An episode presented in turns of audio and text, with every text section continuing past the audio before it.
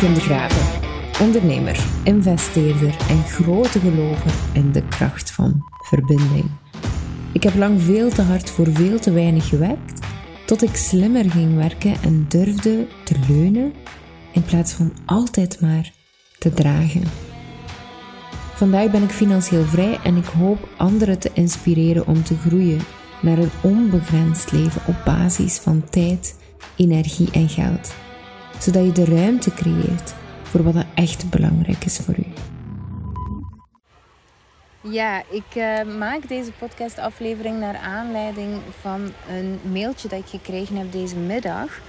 Um, en je hoort het misschien op de achtergrond, maar mijn kinderen zitten ondertussen in uh, het water te spelen.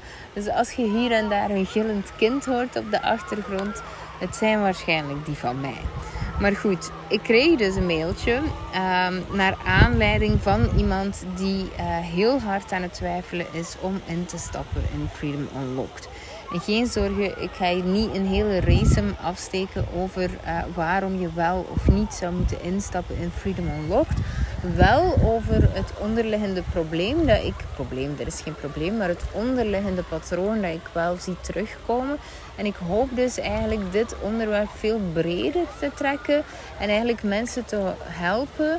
Uh, misschien, misschien u, hè, om op basis van uh, bepaalde um, uh, gebeurtenissen in het verleden om toch um, de, de juiste keuze te maken. En kijk, de juiste keuze, ook weer dat, wat is dat eigenlijk, de juiste keuze? Want eerlijk gezegd, hè, um, mijn vorige relatie, als ik daar nu op terugkijk, was dat niet per se de beste keuze dat ik ooit heb genomen in mijn leven.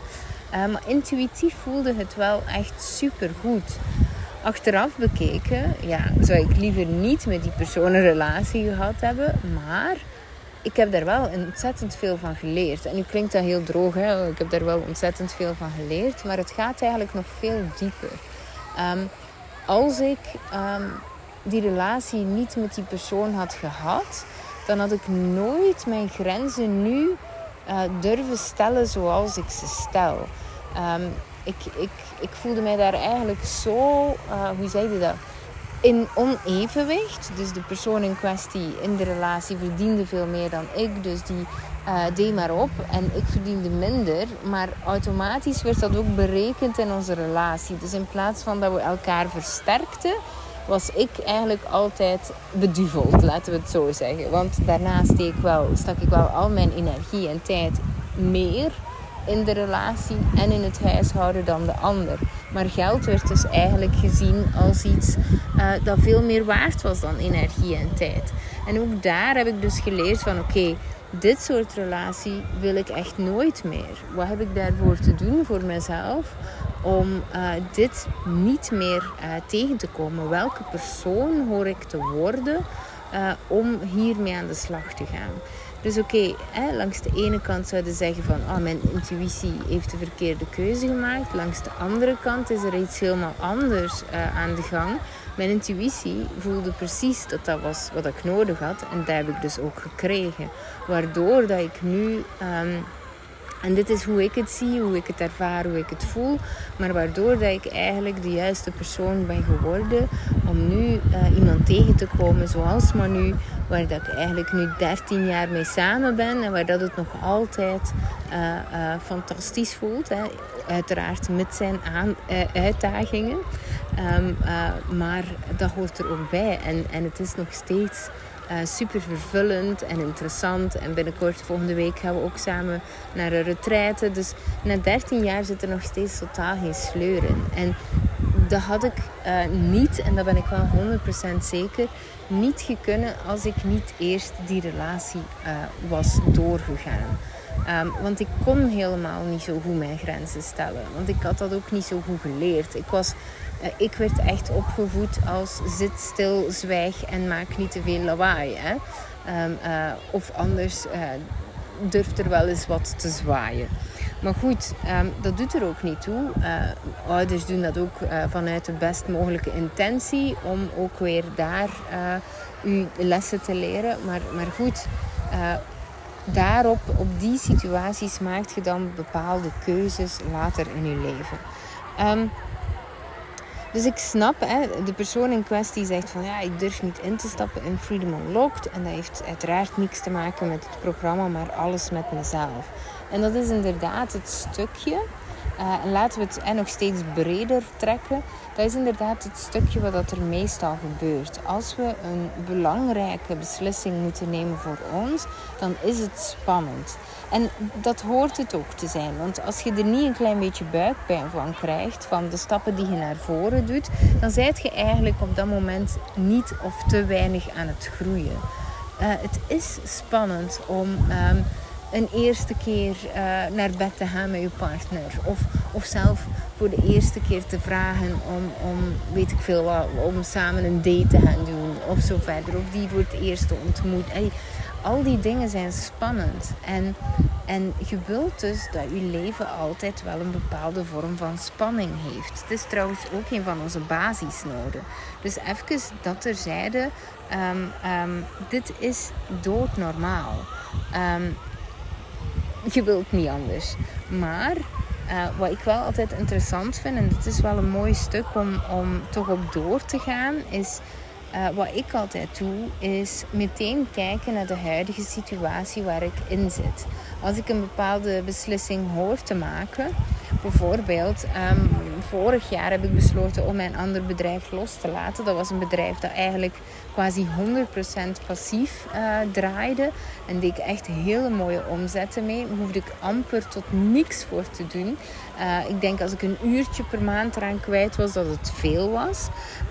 Ja, misschien twee. Hij doet er niet zoveel toe, maar echt belachelijk weinig. En dan hadden we het inderdaad over een, een dikke 2, 3 ton. Um, alleen daarin. Um, en voor de rest was alles geautomatiseerd het ding was dat op de een of andere manier uh, dat de mensen die ik aantrok, en ik weet waarom dat, dat kwam, hè, dus het is niet op een of andere manier, dat ik eigenlijk niet de juiste mensen aantrok in dat bedrijf. Waarom? Er zat een oude energie in. Het was een bedrijf dat te maken had met iemand anders die ik ooit geweest was. En als je eventjes terugkijkt naar jezelf, naar de persoon die je jaar geleden geweest bent en de persoon die je vandaag geweest bent, op een jaar tijd verandert je zoveel. Je groeit zo ontzettend veel. Er zit zoveel andere energie in. Um, dat het normaal is dat de klanten die je een jaar geleden aantrok, waarschijnlijk niet meer dezelfde klanten zijn die je vandaag aantrekt. Um, of vriendschappen of mensen. En dat, dat is normaal. Maar dus ik beleef dus eigenlijk best wel met een oude energie zitten. En het strookte niet. Um, dus op een bepaald moment voelde ik ook van ik wil een andere stap nemen. En die is spannend, want dat wil zeggen dat ik uh, of heel die business omgooi, waar ik echt geen zin in had. Want het was ook een topic waar ik helemaal niks meer over wou vertellen. Um, of ik laat het gewoon volledig los. Ik kon het ook verkopen, maar ook die uh, energie zag ik niet zitten om erin te steken. Heb ik een podcast over waarom ik uh, uh, een opdracht van 1 miljoen afwees, noemt die, opdracht, die podcast. Um, dus al die opties waren er. En uiteindelijk heb ik gekozen om een heel groot stuk passief inkomen los te laten om een andere stap te maken. Dat was ontzettend, ontzettend spannend. Je wilt het niet weten. Ik, ik heb er inderdaad ook buikpijn over gehad. Maar als ik dan terugkeek naar hé, hey, maar hoe is het nu? Is hoe het nu is ook echt wat ik wil de rest van mijn leven? Dan, dan was het antwoord gewoon dikke vette nee. En het hoeft nog niet eens te zijn de rest van mijn leven. Want dat, dat is heel moeilijk om, uh, om, om dat echt oprecht te gaan kiezen. Het is heel moeilijk om... Uh, hoe moet ik dat zeggen? Het is heel moeilijk om te zeggen, dit wil ik de rest van mijn leven. Hè. Je ziet dat soms met relaties ook. Hè. Ik kies voor jou de rest van mijn leven. Dat is allemaal goed en wel. En, en ik geloof ook dat je tot op een bepaald punt daar heel veel zelf in hebt te brengen. Maar het is niet altijd uh, wat werkt. Um, um, maar goed, um, wil ik dit nu zoals het verder gaat? En wat geeft mij het meeste buikpijn?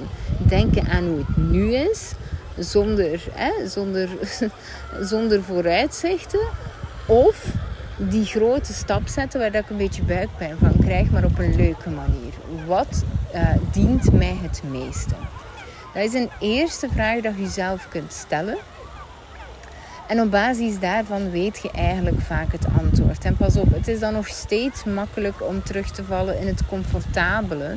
En toch te kiezen van, oh ja. En, en dit doet het ego dan. Hè. Het ego is, is vrij bang van het onbekende. Dus dan gaat eigenlijk het ego zeggen van ja, maar het is toch allemaal zo slecht niet nu. En het gaat toch ook. En waarom wil ik altijd zoveel? En waarom ben ik zo wispelturig? En waarom kan ik niet tevreden zijn met wat ik heb? En goed, dat hele riedeltje gaat in je hoofd. En ik ben zeker dat je dat riedeltje herkent. Eh, ik maak het elke keer opnieuw uh, mee. Uh, als, ik, als ik grote beslissingen moet maken. Um, en, en zo gaat het nu helemaal. En um, uh, dit is wel een interessante vraag om jezelf te stellen. Uh, en, en dat is op basis van Freedom Unlocked, maar dus ook op basis van elke beslissing dat je eigenlijk wilt nemen in je leven.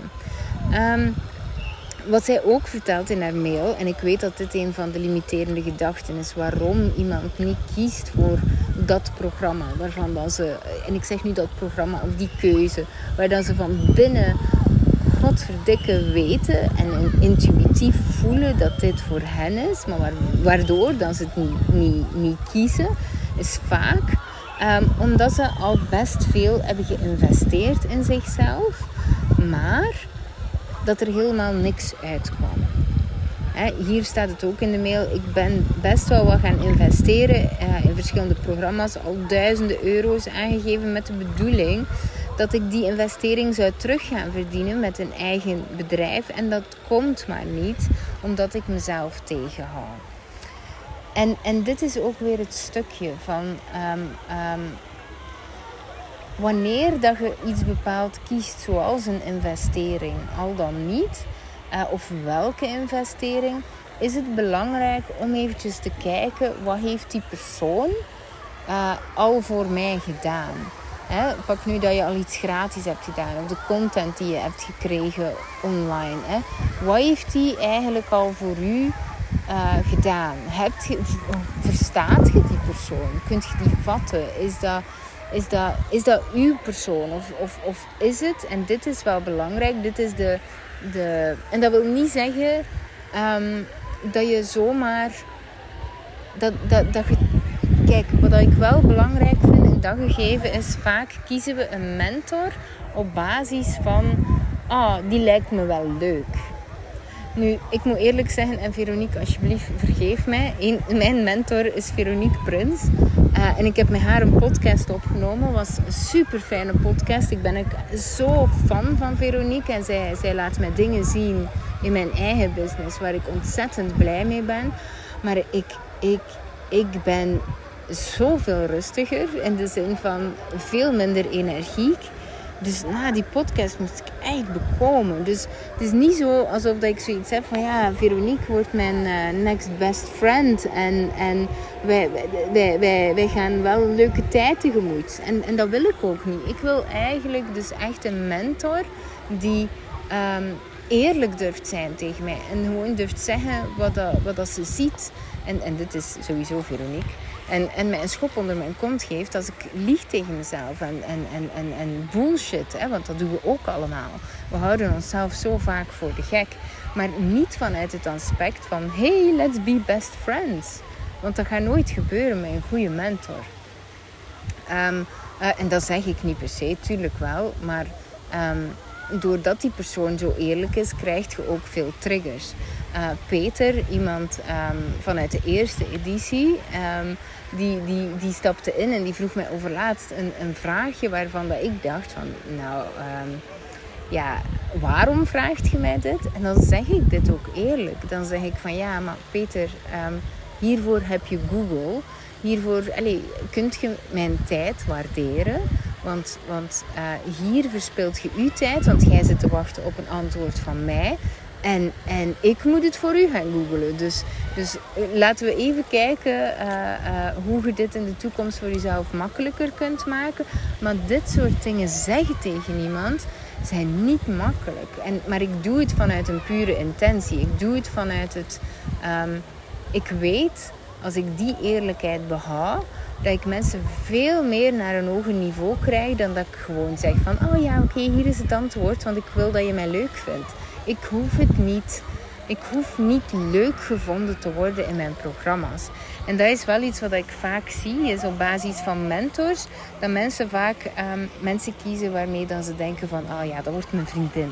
Of, waar dat ze zichzelf uh, in herkennen. En tuurlijk, tot op een bepaald punt wilt je jezelf herkennen in een mentor. Uh, want anders heb je het gevoel dat die persoon u niet begrijpt. Dus dat is echt een heel belangrijk punt. Maar tot waar gaat het? En hoe verre heb je dit even gevoeld bij jezelf? Want dit is net het ding van... Um, dit wilt je voelen. Je hebt nog een andere reden. De, de, soms, en dit zie ik ook echt heel vaak, is dat mensen instappen in uh, heel veel programma's vanuit een soort angst of vanuit een soort imposter syndroom. Uh, ik ben bang dat ik niet goed genoeg ben of dat mijn expertise niet goed genoeg is, dus ga ik maar vijf uh, of zelfs drie verschillende programma's gaan volgen. En daar hebben we wel, um, uh, daar wil ik toch wel eventjes op terugkomen van, en dit is niet, dit is geen oordeel en zo bedoel ik het ook niet, maar hoeveel um, programma's, als je drie programma's of zelfs twee programma's tegelijkertijd volgt, hoeveel daarvan kun je ook echt implementeren en hoeveel daarvan dienen nu ook echt. En zijn ook echt de oplossing voor wat je wilt en wat je nodig hebt.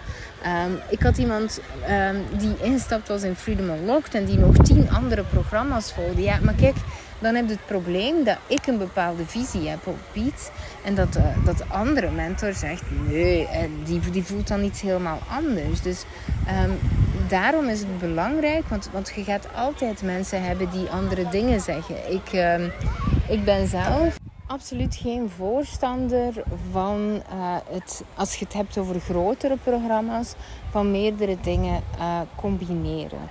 Um, en dan wil ik niet zeggen bijvoorbeeld dat je zegt van ja, ik stap in en ondertussen doe ik nog een klein cursusje, weet ik veel wat, social media of wat dat het ook is.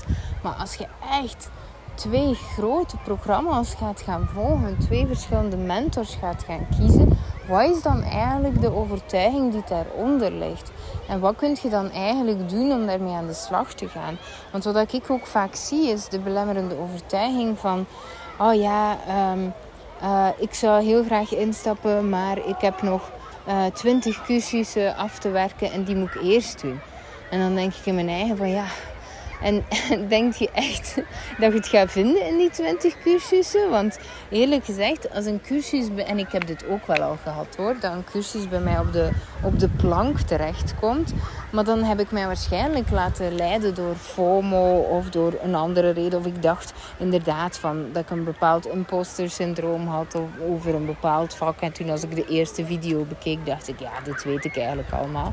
Maar moet ik ze dan echt nog, en dit is ook een soort schaarste gedachte, moet ik ze dan echt nog allemaal gaan uitzien omdat ik er nu eenmaal het geld heb aan uitgegeven? Of heb ik hier eigenlijk iets aan, aan te leren? Um, en dit is het grappige, over laatst uh, had ik het zelf, ik, ik had zelf... Uh, echt een, een, uh, gezegd tegen iemand van... Oh, je zou zo geschikt zijn voor de mastermind. En die persoon zei dan op een bepaald moment... Ja, maar ik heb zoveel cursussen gekocht en ik heb het gevoel dat ik uh, vooral geconsumeerd heb de laatste tijd. En ik moet nu vooral implementeren. Terwijl... Terwijl eigenlijk wat dat je doet als je een reeks cursussen van jezelf moet afwerken, is eigenlijk opnieuw gewoon weer consumeren. Want ergens intuïtief voelt je dat je die cursussen eigenlijk helemaal niet meer wilt afwerken. Of gewoon later nodig hebt in een ander stadium. En alles daarin is prima. Uh, maar jezelf daarin voor de gek houden. En zeker uh, in, in uh, programma's zoals die van mij, waar dat je eigenlijk verplicht bent om te implementeren. Daar, daar, daar is dat een beetje een gekke gedachte. Maar goed, dat wil ik dus toch ook nog eventjes zeggen. Dat, um, wat, wat zit er daar eigenlijk onder? Hè? Waarom wilt je cursus aankopen? En dat is wel een belangrijke. Voelt je het echt? Of heb je meer het gevoel van... Ah, ik doe het omdat ik angstig ben. Uh, omdat ik bang ben. Want ik, ik weet niet of dat Ehm, of dat dat een goede leidraad is om, om in te stappen. Of, of ik heb het om, omdat ik een imposter syndroom heb. Of om, weet ik veel. Ja, dat is niet de reden waarom dat je wilt instappen. De reden waarom dat je wilt instappen is omdat je voelt dat je dit echt nodig hebt.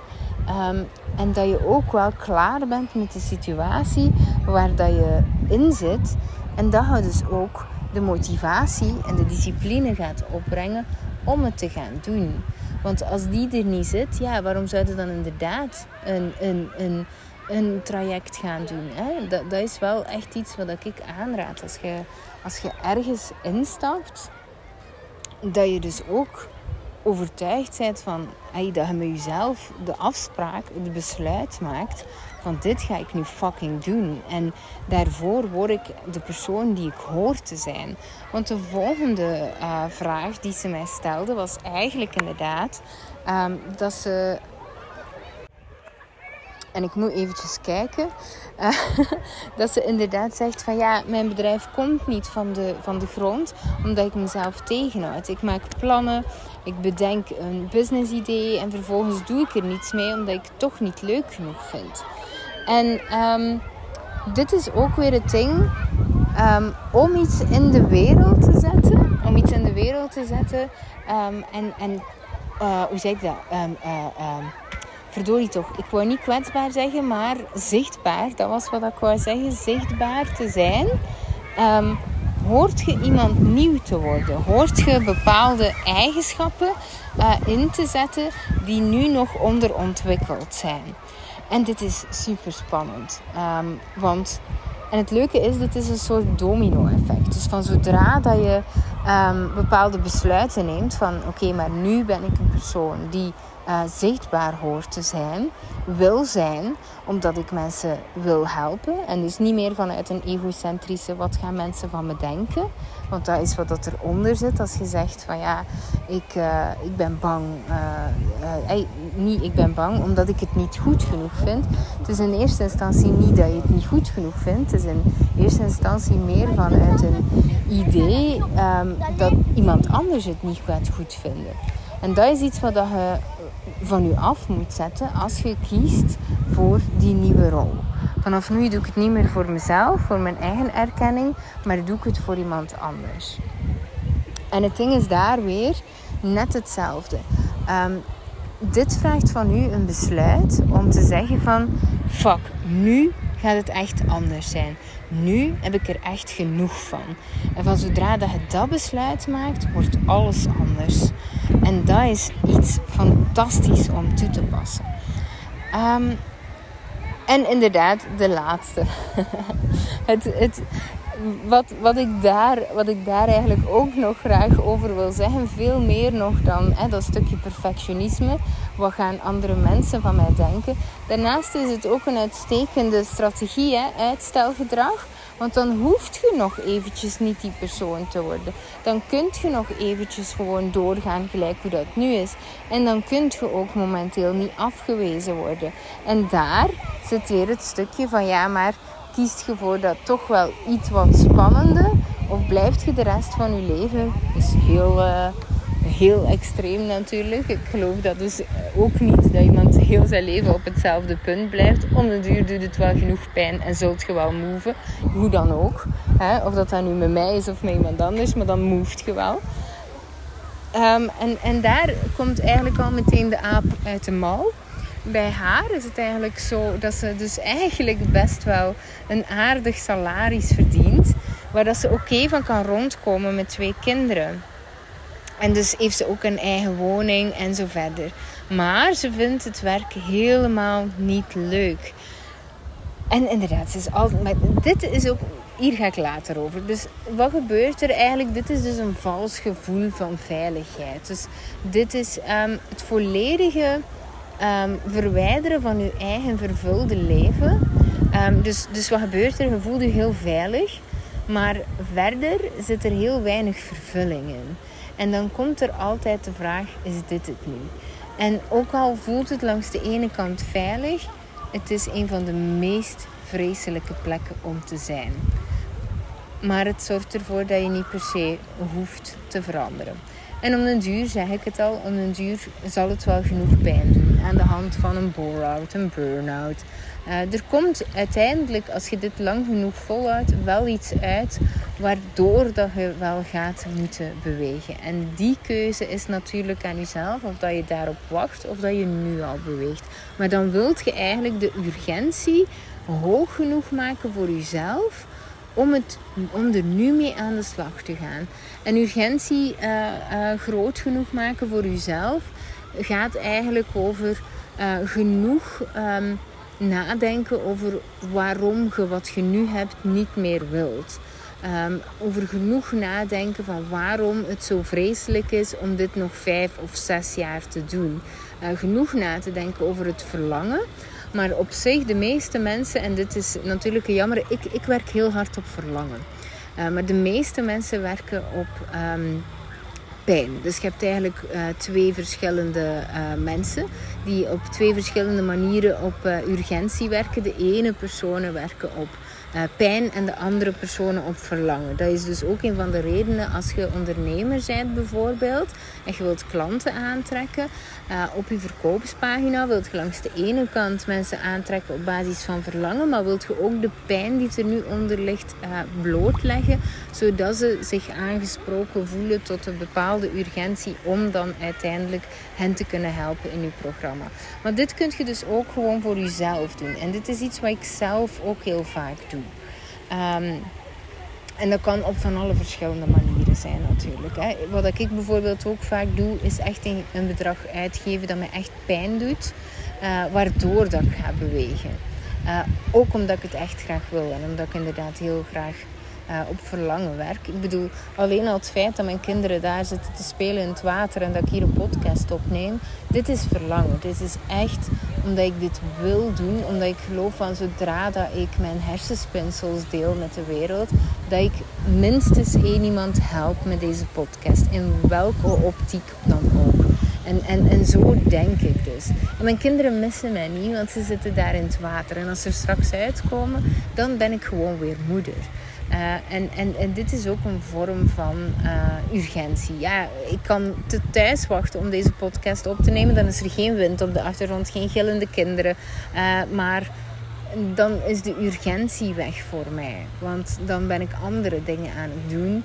En, en ja, ja, dus ik doe het graag nu. Nu voel ik het. Nu voel ik de woorden en zo verder. Dus ga ik daarmee aan de slag. En dat is iets wat je dus mee aan de slag kunt zelf ook.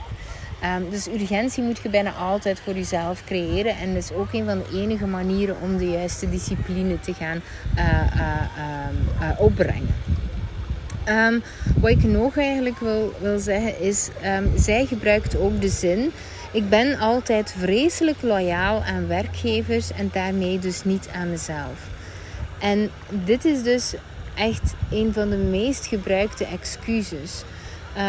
En, en en, en voor de persoon die de mail had gestuurd, wij doen dit ook allemaal. Ik, ik heb een periode gehad in mijn leven dat ik mezelf volledig wegcijferde voor klanten, voor bazen, voor uh, zelfmanu. Voor, voor, ik bedoel, eh, totdat ik nog een schim was van mezelf. Maar eigenlijk is dit dus een excuus om inderdaad uh, de angst van afwijzing eigenlijk te kunnen maskeren. Want eigenlijk werkt je dus, zit je dus in een soort uh, uh, negatieve spiraal waar dat je elke keer over je grenzen gaat en dus mensen wilt pleasen, maar eigenlijk op het einde van de rit word je afgewezen. Want doordat je overal over je grenzen gaat, kun je vaak je, beloftes niet waarmaken. Om, omdat je nu eenmaal in te moeilijke situaties komt waar dat het uh, fysiek of energiek of weet ik veel wat niet meer aan kunt. er is een hoentje op de achtergrond die van zich laat horen. um, maar goed, uh, die is het misschien niet eens met mij, kan ook. maar um, uh, wat ik dus eigenlijk wil zeggen is, die loyaliteit is zo een, een, een, een ding. Want eigenlijk klopt dat in C niet. Eigenlijk bedriegt je al die mensen omdat je niet je ware zelf laat zien. En het resultaat is altijd uiteindelijk afwijzing. Dus je werkt dit stukje zelf in de hand. Loyaliteit heb je in eerste instantie aan jezelf te doen, maar dat vind je veel te spannend. Uh, want anders had je inderdaad dat business idee gelanceerd, had je inderdaad um, uh, die stappen gezet. Maar dat, is, dat voelt spannend, dus je blijft veilig. Maar in dat veilig stuk um, um, breekt je constant je eigen regels. Zijt je niet loyaal tegenover jezelf en dus ook niet naar de rest, want je houdt een spiegel voor.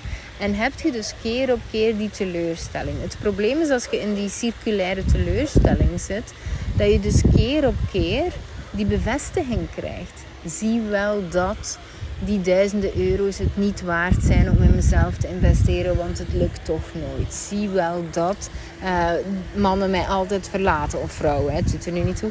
Zie wel dat, uh, en zo verder. Um, uh, dat mijn werkgever niet om mij geeft. Maar dit is eigenlijk iets dat je dus vanuit een gedragspatroon zelf gaat genereren. En ik zie het ook in de volgende zin. Hè. Mijn hele leven hobbel ik van job naar job zoals het op mijn pad komt. Ik heb geen doel, ik heb geen missie, geen stip op de horizon. Of hoe je het ook maar wilt noemen. En terwijl ik continu van mijn mensen heen hoor dat ik zoveel potentie heb. Ja, en dat is het ook inderdaad. Je hebt godverdikke zoveel potentie. En dit zeg ik natuurlijk tegen de persoon die mij mailt. Maar ook tegen iedereen die luistert, die dit nodig heeft. Um, het, het, het stukje uh, geen doel, geen missie, geen stip hebben.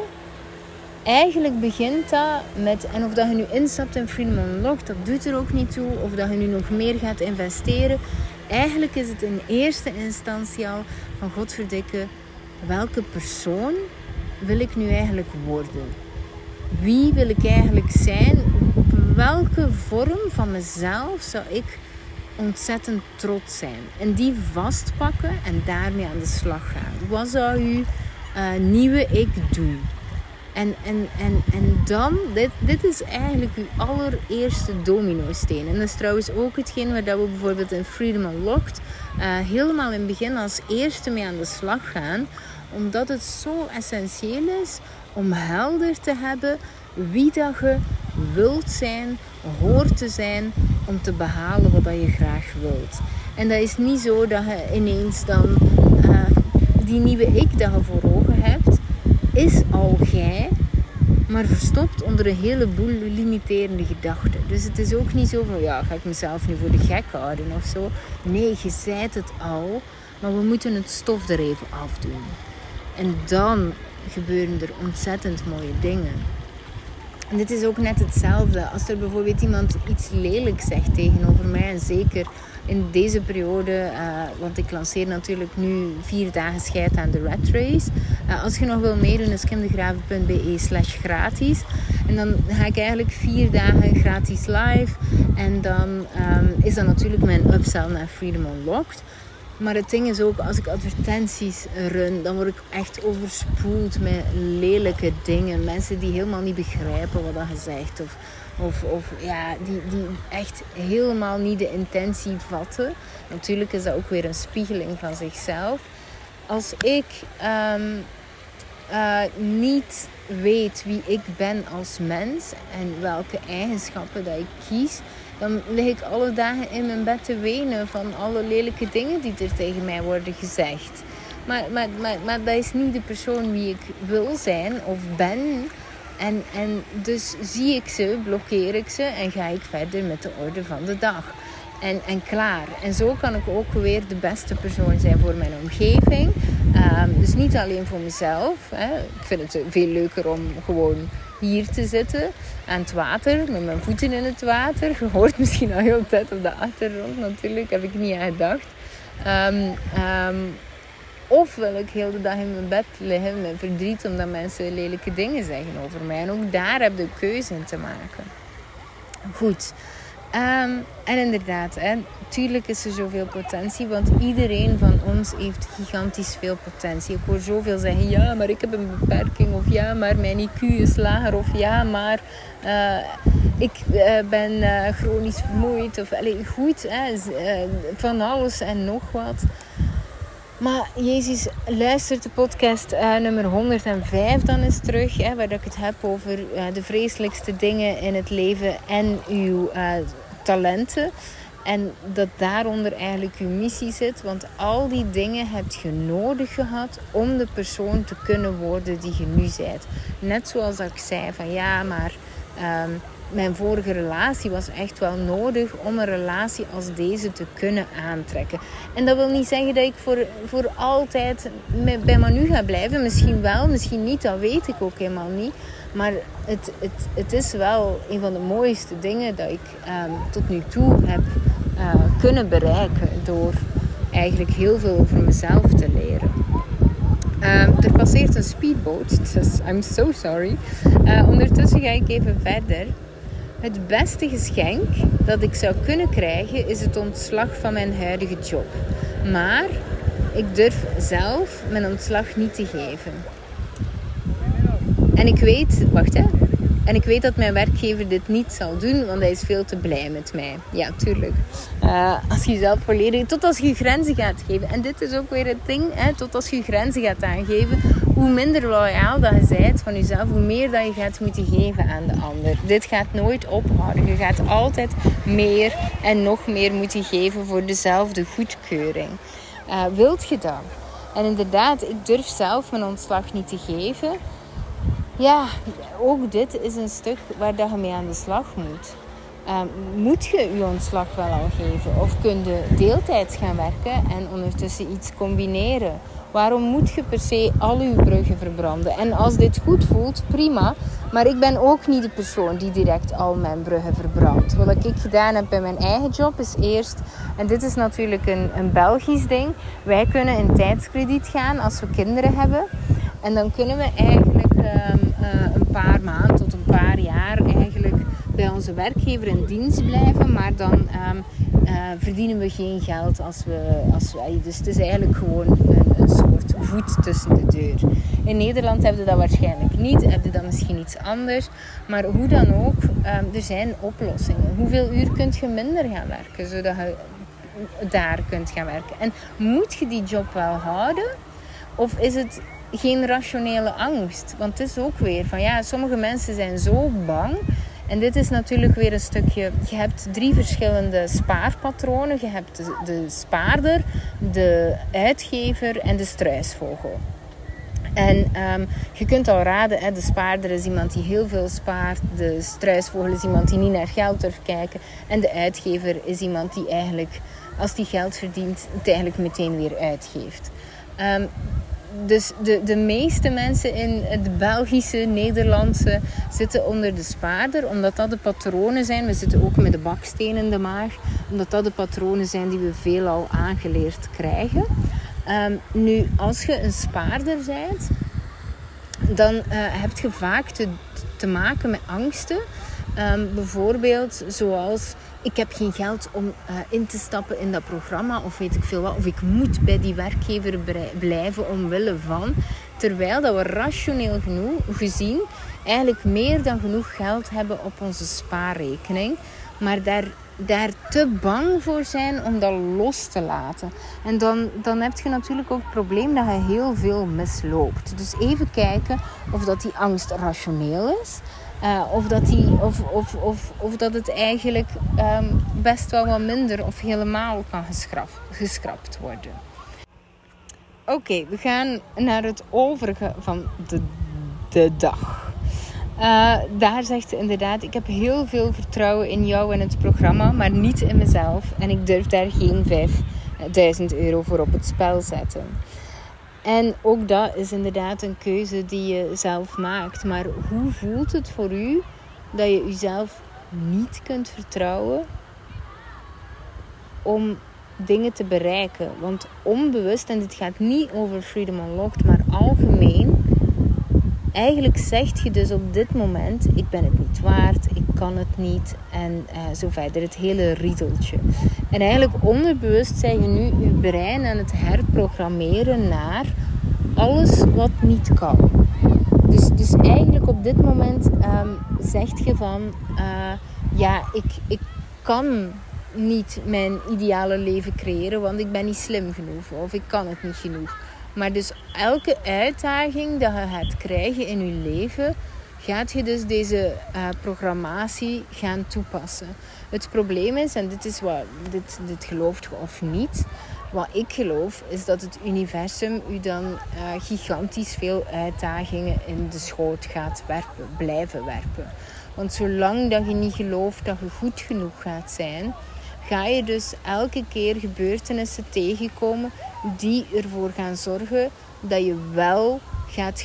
Die, en dit kan twee kanten uit. Hè? Dus twee, heel veel uitdagingen waardoor dat je ehm, heel veel pijn gaat creëren. Omdat eigenlijk het. Dit is heel wazig, ik moet het beter uitleggen.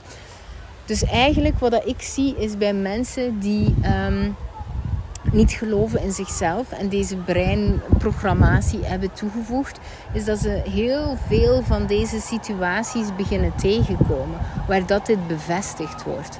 Alleen, zij zien dit als een soort bevestiging, maar eigenlijk is het omgekeerd. Het is zo dat het universum u keer op keer bepaalde gebeurtenissen toewerpt, zodat je de persoon moet gaan worden die gehoord te zijn, de andere breinprogrammatie.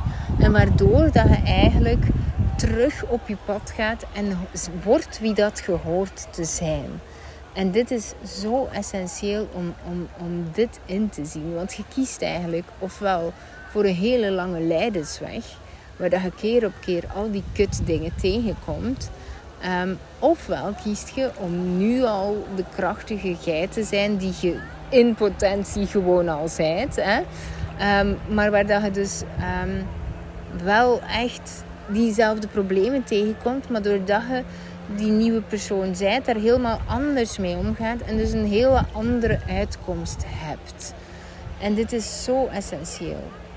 Want het leven is fucking lastig als je denkt dat je niet goed genoeg bent of niet kunt en zo verder. Um, want het is niet rationeel. En je haalt je heel wat shit op elke keer opnieuw. Um, goed, dat was het voor vandaag. Vind je de podcast interessant en, uh, en, en fijn om elke keer naar te luisteren? Haalt je er veel uit? Oh, alsjeblieft, geef me dan een review op uh, Apple hey, Gelijk welke Apple podcast of Spotify, waar dan ook. Je hoeft er zelf niet eens veel woorden aan vuil te maken. Maar het helpt wel ongelooflijk veel. En als we op die manier uh, andere mensen steeds meer kunnen helpen. Um, door, want dit is ook weer het stukje. Je hebt dus um, uh, iets en dat noemt SEO voor de mensen die dit niet kennen. En dat is eigenlijk een manier om beter gevonden te worden in zoekmachines zoals Google en zo verder. Maar reviews zijn dus super belangrijk. Dus reviews op Google, um, reviews op de podcast zelf. Uh, die doen ontzettend veel voor bedrijven. Dus ook als je zelf een bedrijf bent, vraag dat genoeg. Zeker op, op Google My Business. Hè. Super belangrijk, want zo vinden mensen u sneller. En um, zeker als uw missie is dat, om mensen zoveel mogelijk te helpen, dan wilt je echt wel gevonden worden. Dus goed. Dat wil ik heel even van u vragen. Um, heb je er veel aan gehad? Of en een van de andere podcasts? Geef dan eventjes uh, wat sterren. Hè? En, dan, uh, en dan ben ik u eeuwig dankbaar. Laten we het zo zeggen. Goed. Tot de volgende.